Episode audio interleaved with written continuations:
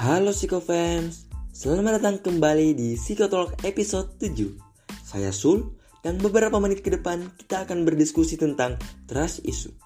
Bersama pemantik keren kita Kak Derida Nah, sebelum masuk ke topik pembahasan, kita kenalan dengan siapa dulu yuk pembicaranya.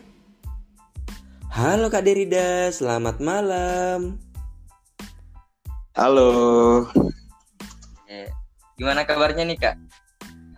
Alhamdulillah. baik. Oke, Ya. baik. Bagaimana dengan Surabaya? Seperti biasanya. Panas. Oh iya kak, gini. Akhir-akhir ini kan ya sering dengar itu banyak yang bilang aku lagi tes isu nih. Aku, di sosial media kan udah banyak sekali istilah-istilah trust issue. Nah, aku mau nanya nih, sebenarnya trust issue itu menurut Kak Dirida apa sih? Iya. eh, jadi sebenarnya trust issue itu konsepnya tentang permasalahan pada kepercayaan gitu. Nah, eh apalagi sekarang yang isu sering muncul ya. Sekarang ini kita biasa melihat berita-berita yang beredar dan lain sebagainya. Jadi orang ini mudah sekali takut, mudah sekali khawatir, bahkan berita itu mungkin belum tentu benar. Ya, jadi itu akhirnya timbul sekali lagi ngetren gitu trust issue di kalangan anak muda kalau kita bicara karena anak muda sekarang pengguna internet yang paling tinggi gitu kan Iya kak ya. Hmm, Jadi dia trust Iya. issue ini masalah tentang kepercayaan ya. iya Hmm, oke itu masalah kepercayaan ini tuh kak dia dam dampaknya itu apa ya ke kehidupan sehari-hari kita itu seperti apa ya ya kalau masalah trust issue sendiri sebenarnya dampaknya sangat eh, signifikan kalau memang trust issue ini berlebihan karena sebenarnya trust issue sendiri ini bisa jadi eh, defense mechanism kita untuk skeptis atau lebih waspada dalam menanggapi sesuatu. Tapi kalau jatuhnya trust issue ini berlebihan, apalagi dalam kehidupan sehari-hari ya, ini ada beberapa dampak yang tentunya sangat merugikan. Pertama, pasti kita cenderung eh, menghindari sebuah komitmen. Nah, ketika kita eh, kesulitan dalam menjalani sebuah hubungan karena sebuah pengalaman di masa lalu seperti gagal dalam berhubungan, kemudian eh, kalau kita bicara hubungan ya diselingkuhi gitu ya, kemudian eh, ada pihak ketiga dan lain sebagainya. Nah ini kan orang jadi trust issue gitu ya. Ketika menjalani hubungan selanjutnya dia lebih memiliki permasalahan dalam percaya kepada pasangannya. Ini yang pertama. Seperti komitmen tersebut. Seperti kalau mungkin kita di organisasi atau di wadah atau di komunitas. Nah, kalau kita sebagai eh, pimpinan sebagai kepala tentu juga akan membagi job deskripsi kan seperti itu kepada para anggota. Nah, ketika job-job ini telah dibagi dan ternyata dalam deadline tertentu tidak ada konfirmasi, tidak ada eh, apa namanya kabar, tiba-tiba tahu-tahu eh, yang bersangkutan nggak ada kabar dan tahu-tahu jobnya juga nggak dikerjakan gitu. Nah, Ya. otomatis kan ini akhirnya masalah untuk percaya kita, masalah untuk komitmen lagi mempercayakan tugas ini kepada orang lain, kepada orang lain. Kemudian yang kedua itu juga pemikiran kita ini bisa sangat dikuasai oleh hal-hal yang negatif. Kalau mungkin kita bisa bilang prasangka buruk kepada orang lain ini sangat dominan eh, menguasai pikiran kita ketika kita melihat eh, situasi atau melihat sikap perilaku orang lain terhadap kita. Bahkan sikap yang baik sekalipun kita bisa saja berprasangka buruk seperti itu. Nah, yang terakhir mungkin kalau yang kita eh, rasakan dari beberapa hal tadi adanya gap, adanya jarak, timbulnya satir yang ada di antara kita dengan orang lain. Nah, karena satir ini tadi disebabkan oleh masalah kepercayaan dan kalau berlebihan dan terus-menerus bisa menyebabkan kita sulit untuk membangun hubungan dengan orang, kita sulit untuk berinteraksi dengan orang, komunikasi kita buruk dengan orang lain karena pikiran kita memang sudah dipenuhi dengan eh, prasangka buruk terhadap orang lain. Nah itu tentu yang sehari-hari yang mungkin menjadi dampak ya kalau dari issue itu sendiri. Oh, Oke. Oke, okay, menarik sekali nih soalnya tadi dibahas salah satu penyebabnya itu karena diselingkuhin ya. Waduh, jadi kalau ditinggal pas sayang-sayangnya itu bisa menyebabkan transisi juga nggak sih kak? Oh, bisa banget. itu. Aduh, berarti kalau korban-korban ditinggalkan pas lagi sayang-sayangnya itu perlu lebih aware ya.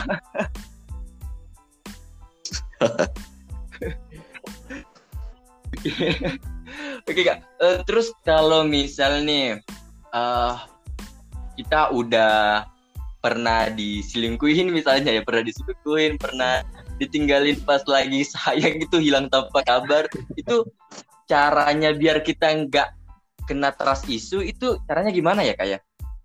Iya, kalau mungkin uh, pertanyaannya agar tidak terkena trust isu, aku rasa kita sebagai manusia diberikan perasaan untuk merasa tentu respon kita terhadap kejadian atau peristiwa tersebut pasti awal-awal trust issue. Nah, pertanyaannya bagaimana kita kemudian nggak berlarut-larut dalam masalah kepercayaan pada orang lain. Caranya tentu yang pertama adalah memahami konsep kepercayaan itu sendiri, mengenali dan menerima kondisi diri sendiri, kemudian memahami kembali konsep kepercayaan bahwa kepercayaan itu merupakan hal yang besar dan sangat beresiko dan ke depan ketika kita mempercayakan atau menangguhkan kepada orang lain sebuah amanah, kita harus tahu resiko satu bahwasannya kita bisa saja dikecewakan.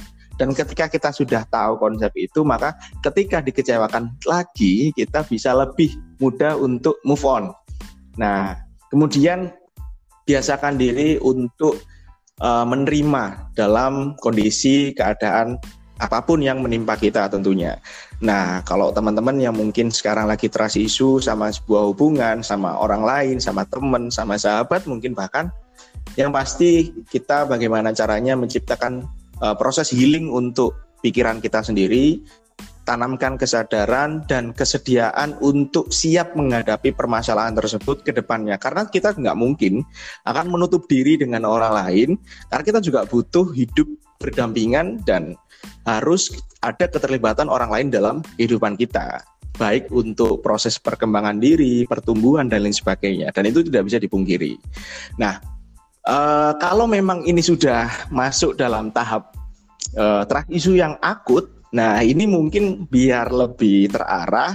Kalau mungkin kita ada teman-teman psikologi pasti menyarankan untuk menghubungi profesional, bisa psikolog atau konselor seperti itu. Mungkin bisa diberikan uh, apa namanya wadah atau akses untuk konseling atau mungkin kalau akut banget sampai sampai menyebabkan depresi yang ber, tidak berkesudahan itu bisa dilakukan uh, terapi seperti itu. Aduh, jadi kita harus perlu aware nih ya sama ketika kita diselingkuhin misalnya dan lain. Oke, okay. ah terus nih kak, gimana ya taunya kalau gejala-gejalanya gitu atau itu kalau orang-orang tersisa tuh biasanya gimana sih aktivitasnya dalam keseharian sehari-hari gitu gejala-gejala apa aja yang biasanya timbul sih kak? Ya kalau gejala-gejala yang mungkin mulai terlihat untuk kita bisa bilang bahwasanya aku mulai isu itu adalah tadi kita mulai sering berprasangka buruk bahkan dalam keadaan atau situasi orang lain sedang uh, berperilaku baik kepada kita ya. Itu kita selalu berprasangka buruk oh ini mungkin orangnya baik sama aku lagi ada maunya nih. Nah hal-hal seperti itu yang ketika sering terjadi mulai sering kita alami kita sadari bahwasanya itu memang trust issue. Mungkin kita sebelumnya sempat uh, kepikiran setiap orang berperilaku baik adalah orang yang memang nyatanya uh, pada hakikatnya dia tidak berharap apa pun dari kita eh ternyata di satu peristiwa kita dikecewakan oleh hal itu. Nah, mungkin ke depan kita akan lebih tidak percaya dengan apa pun yang dilakukan orang lain kepada kita, baik uh, dalam berlaku baik atau atau bahkan berlaku buruk ya kalau dikatakan di sini. Dan yang pasti orang kalau sudah terasisu, aku kalau bisa katakan dia pasti nggak tenang. Entah iya, uh, ya. iya nggak akan tenang dalam menjalankan kehidupan sehari-harinya. Apalagi kalau kita dan ini ya kalau teman-teman mahasiswa apalagi ya teman-teman pelajar, anak-anak muda yang sekarang ini habitnya nongkrong, ngopi, dia pasti menghindari lingkungan-lingkungan tersebut. karena dia uh, menjaga jarak untuk membangun hubungan dengan orang lain karena tadi akhirnya dia lebih intens untuk uh, apa namanya sendiri untuk menyenangkan dirinya sendiri. Tapi aku rasa hal ini juga bisa menjadi healing untuk dirinya. Tapi kalau berlebihan lagi-lagi ya kalau berlebihan pasti nanti pada saatnya dia akan sadar bahwasanya dia juga butuh orang lain. Dan keadaan ini akhirnya menyadarkan kita semua untuk ayo kita seharusnya move on nih. Seharusnya kita sadar nih bahwa apa yang kita lakukan seperti konsep kepercayaan tadi, apa yang kita sudah lakukan dalam mempercayakan atau mengamanahkan kepada orang lain itu punya resiko ya dikecewakan. Sehingga ketika kita tahu resiko itu artinya kita harus siap untuk menerima. Mungkin seperti itu. Hmm, jadi sebelum menjalin hubungan itu kita udah perlu siap nih ya kak ya kalau nah. ntar kayaknya aku bakal dikecewain gitu deh. iya. Jadi kalau ada ada quote kalau nggak salah yang pernah viral juga di TikTok atau di Instagram itu ya tentang kalau kamu ingin uh, sakit hati dengan elegan adalah silakan kamu pacaran kayak gitu. Itu ada sebenarnya. Saya baca di situ. Aduh, berarti bersyukur banget ya yang lagi jomblo-jomblo psikopat nah, yang lagi jomblo karena ya harus. Oke, berarti ini trust issue itu sama ya kayak bahwa ketika orang-orang itu takut untuk percaya lagi, takut untuk jalin hubungan lagi. Tapi ini gak hanya ke masalah pacaran ya kak, tapi kalau ke pertemanan atau ke keluarga itu bisa tersisa juga nggak sih kak?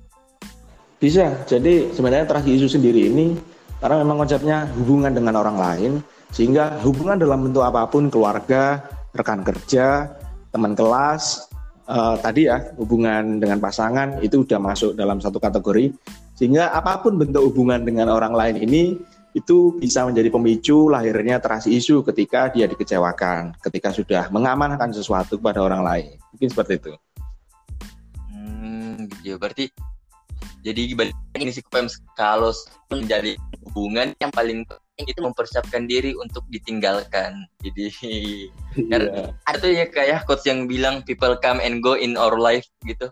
Datang dan pergi di hidup kita. Iya. Yeah. lagi kan ya kalau sekarang gitu di usia-usia 20 tahun kadang ngerasa kalau kalau teman ninggalin kita kayak ngerasa down gitu gak sih kak? Iya ngerasa orang udah nggak peduli nih sama kita padahal yang nggak juga gitu. Iya kadang ngerasa kayak orang kayaknya aku deh nasibku yang paling parah deh di dunia ini. Orang-orang pada nggak peduli orang-orang benci sama aku. Iya. Sering ya. Iya. Terus itu kalau misalnya udah udah jadi aku kok mau nyebutnya korban perselingkuhan? Ya enggak. Korban ditinggalkan gitu. Atau oh, apalah yang membuat trust isu. Itu kira-kira masih bisa sembuh nggak sih kak? Dalam artian masih bisa percaya lagi nih balik lagi percaya dengan seutuhnya ke seseorang gitu sih kak? Atau gimana? Oke kalau mungkin uh, ini kembali ke orang masing-masing ya. Kalau konsepnya uh, percaya seutuhnya, aku rasa enggak juga. Karena tadi kita udah pernah diberikan luka dan luka itu akan selalu membekas. Dan perlu Aduh, diketahui jadi kayak ceritanya kayak trauma ya kak ya? iya. Jadi paling tidak bekas luka itu trauma itu menjadi pelajaran buat kita. Bahwasannya dalam menjalani kehidupan jangan pernah menyandarkan kebutuhan kamu jangan pernah menyandarkan uh, ekspektasi kamu pada orang lain. Gitu. Harapan hanya perlu disandarkan kepada Tuhan ya Nah, betul sekali.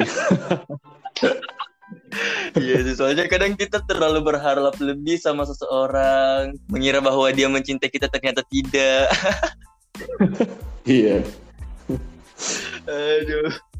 Terus kalau di sekarang kan semakin banyak kan ya kak orang pakai Instagram, lihat orang atau buka TikTok dan lain sebagainya. Itu kira-kira berdampak lebih nggak sih kak? Atau gimana sih? Ada nggak ya kaitannya sosial media itu tadi dengan masalah trust isu ini masalah kepercayaan dengan seseorang? Iya. Kalau menurut aku sih soal sosial media apalagi kita bicara algoritma dalam sosial media yang mungkin ini sudah sangat familiar kita dengar sudah banyak sekali podcaster-podcaster yang membahas ini. Bahwasannya apa yang kita sering searching di situ, ah, itu yang akan menjadi rekomendasi dari sosial media untuk kita tonton di kemudian hari dan di menit-menit seterusnya. Nah, semakin kita uh, larut dalam konten-konten yang apa mengamini atau mungkin memberikan dorongan bahwasannya jangan percaya lagi sama orang lain karena orang lain hanya memberikan kekecewaan. Jika terus dia tonton konten seperti itu, aku rasa dia nggak akan selesai. Tapi tadi coba sudahi untuk uh, lihat-lihat konten seperti itu, atau mungkin silahkan cek atau cari juga banyak sekali konten-konten yang memotivasi kita untuk bangkit dari keadaan kecewa untuk bangkit untuk percaya lagi kepada orang lain. Dengan tanda kutip percaya lagi dengan orang lain dengan memahami dan menerima setiap resikonya. Ini seperti itu gitu ya jadi gini psikofems untuk yang mungkin lagi galau gitu ya kak ya uh, ada masalah iya. dengan hubungan terus scroll scroll TikTok terus nge-like nge-like apa misalnya nge-scroll Instagram terus nge-like sesuatu gitu yang lagi galau-galau ya algoritmanya bakalan postingan galau-galau juga ya soalnya aku iya. kadang kalau iya sih kak kadang kalau aku lagi uh, nonton video-video yang galau-galau biasanya muncul itu terus terus deh. Betul betul. Ya ya iya. Oke berarti kalau pesan dari dari data tadi itu yang paling penting yaitu ya move on. Ya. Iya. cuma yang kadang jadi masalah sih kak cara untuk move onnya itu loh. Ada nggak sih tips dan trik dari kak dari Dani? Atau mungkin kalau misal punya pengalaman pribadi gitu pernah terus isu sama seseorang atau apa mungkin bisa dibagikan nih kak tips dan triknya kepada iya. psikopems biar psikopems itu bisa memulai gitu biar bisa move on kembali ngebangun kepercayaan kepada sebuah hubungan atau seseorang gitu kak oke okay.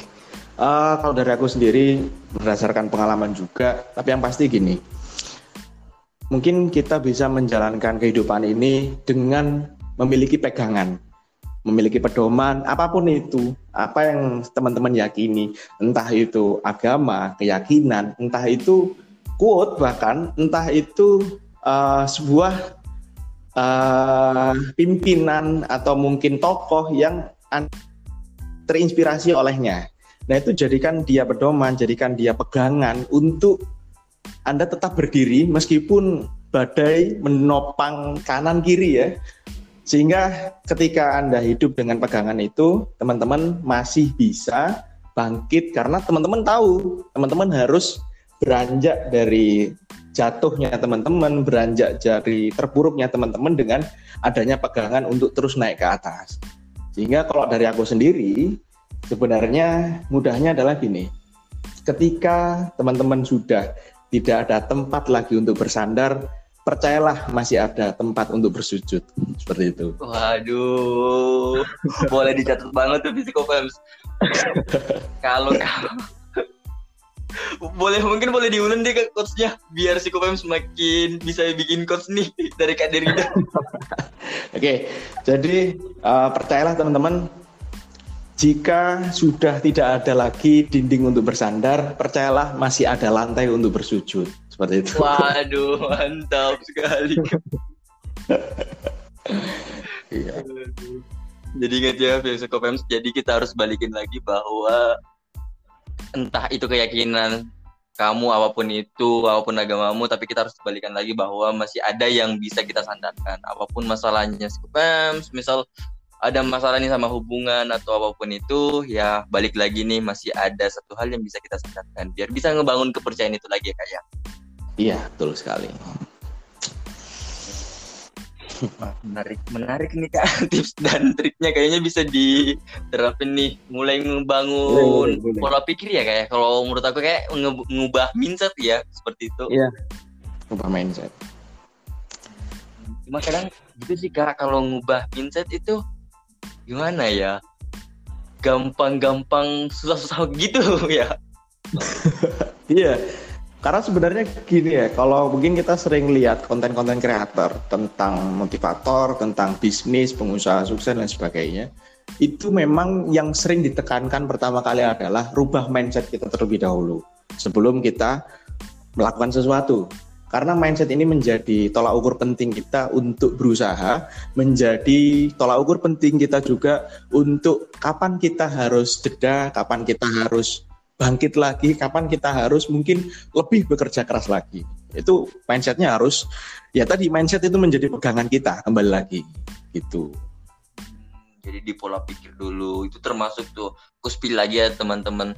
Kalau misal sebelum ngejalin hubungan atau apa pun itu dengan seseorang yakin dan percaya bahwa boleh jadi saja ya oh orang itu akan meninggalkan kita in the time atau membuat kita kecewa dan seperti apa yang Kak Rida tadi udah sampaikan bahwa kita harus siap siap tuh untuk ditinggalkan misalnya waduh iya.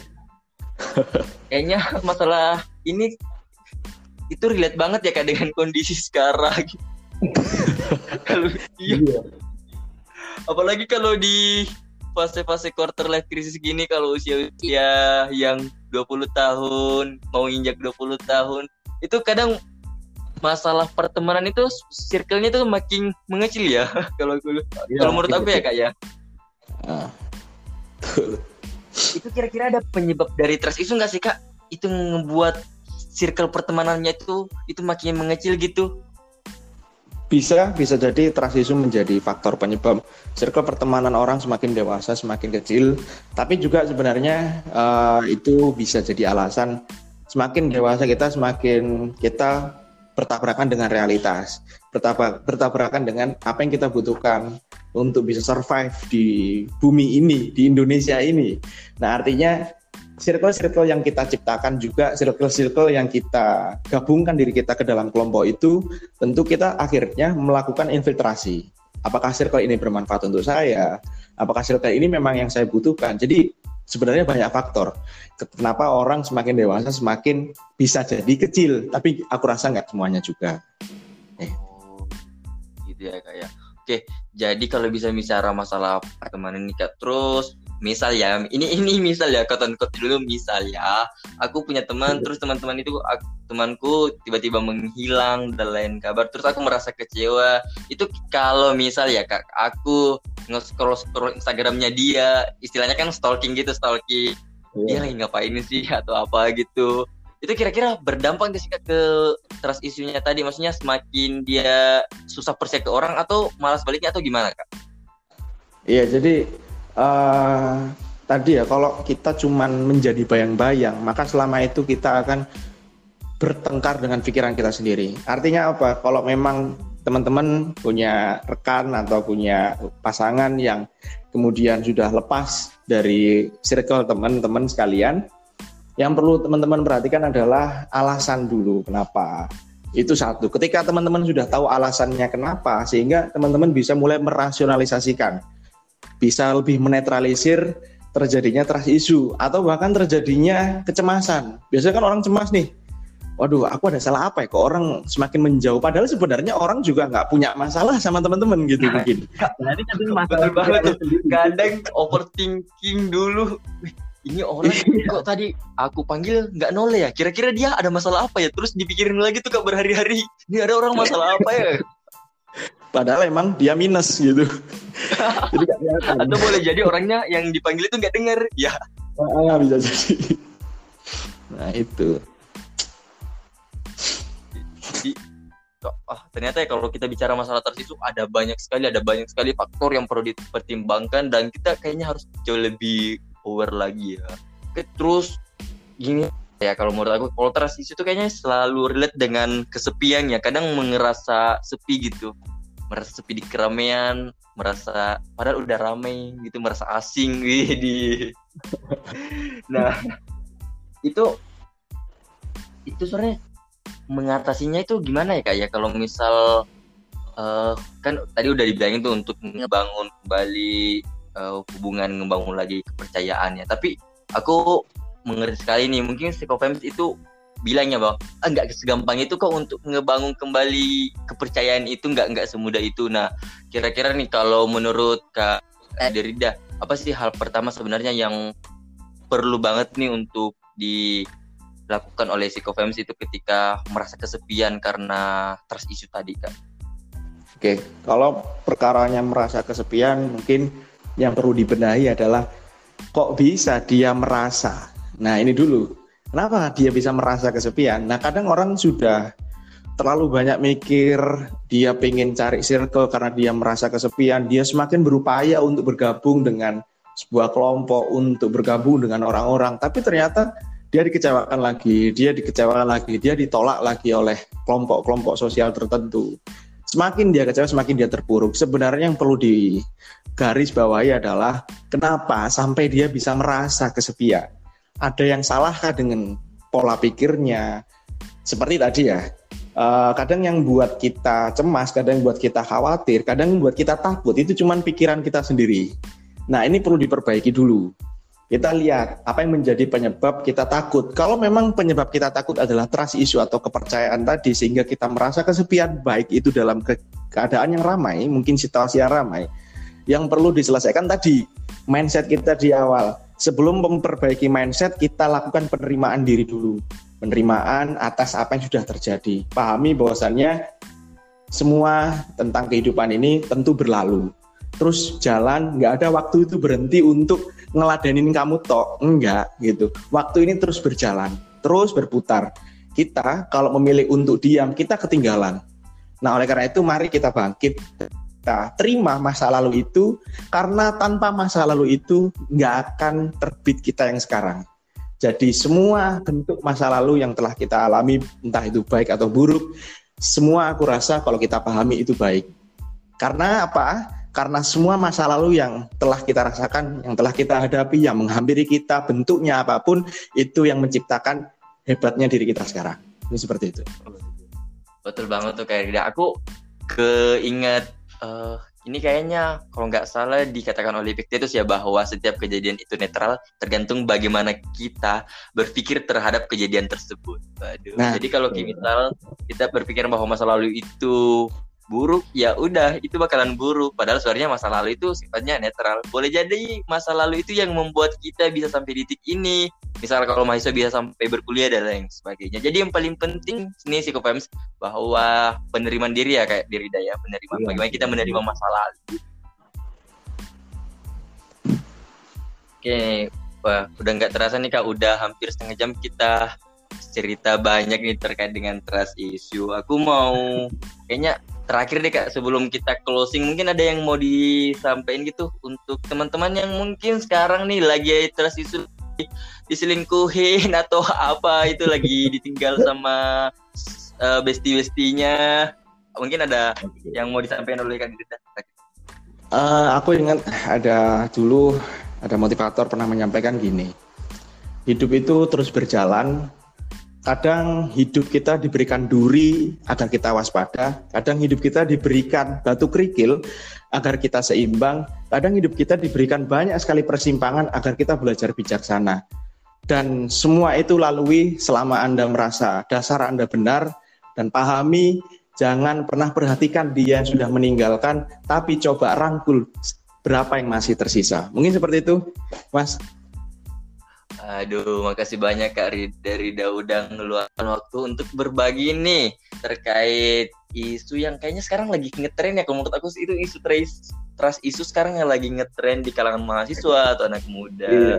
Oke, makasih banget Kak Derida. Sekian, wassalamualaikum warahmatullahi wabarakatuh.